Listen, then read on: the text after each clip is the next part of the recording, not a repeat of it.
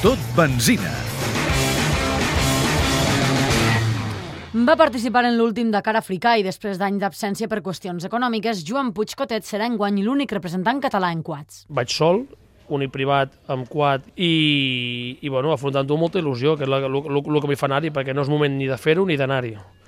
Però, bueno, anirem allà i farem el que puguem. Anirem poquet, poquet a poquet, no hi ha manera d'aconseguir un sponsor d'última hora que es doni 4 duros per portar recanvi en pista, amb el qual el recanvi el portaré sobre el que pugui, i això em vol dir que m'obliga a anar amb 100 quilos extras, I és que quan no es disposa de gaire recursos s'ha de tirar de la imaginació i les amistats. durant dos anys i mig treballant milers i milers d'hores, jo i una colla d'amics, desinteressadament tots, construint un vehicle bajo la normativa de la FIM, que es donava bones premisses a seguir, i, i amb això hem fet un vehicle amb tot l'amor i tot el carinyo, però tot, tot artesanal.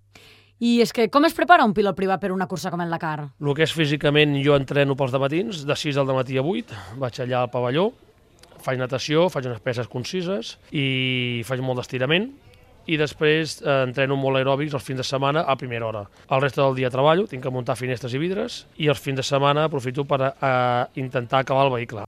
Per Joan Puigcotet, l'altitud serà un dels principals problemes en què es trobarà Sud-amèrica. Jo vaig amb un motor atmosfèric, no és d'injecció, jo només segur que no podré arribar a 4.700 metres sense parar-me a canviar xicalers del carburador. I després tenim els problemes de les etapes que hi ha unes punxes criminals, que verdaderament la gent canvia rodes. Eh, per contra, jo la putada que tinc és que no tinc pneumàtics. Jo porto 12 pneumàtics i amb 12 pneumàtics pues, estic molt limitat.